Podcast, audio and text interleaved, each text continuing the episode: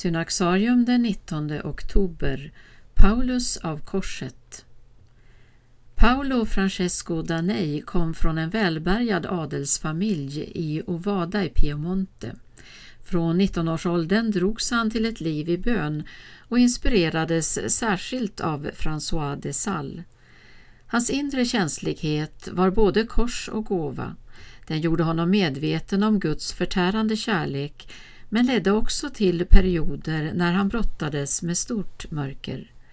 Han fick uppleva hur nio av hans femton syskon dog som unga. Den mest djupgående erfarenheten och övertygelsen i hans liv var att Guds kärlek till människorna särskilt har blivit uppenbarad genom Jesu lidande på korset. När han var 26 år gammal hade Paulus en rad mystika erfarenheter i samband med bönen. Han upplevde sig kallad att bilda en gemenskap, Jesu lidandes kongregation.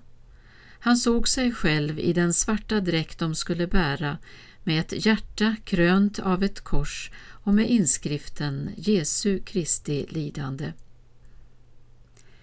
Paulus fick påvligt godkännande av sina planer och efter prästvigning 1727 begav han sig med några kamrater till berget Argentaro nära Orbitello.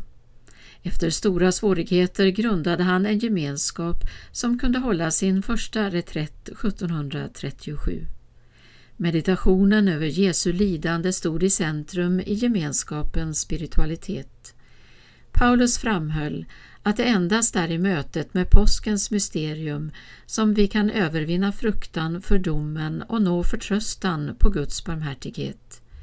Med sin ständiga betoning av talet om korset och dess betydelse för vårt inre liv vandrade han i spåren av Paulus från Tarsos och ställde sig i försoningens tjänst. Den nya orden höll sitt första generalkapitel 1747 och Paulus valdes då till ordensgeneral. Passionisterna, som de kallas, har sedan blivit en betydande kongregation och är verksam också i Sverige.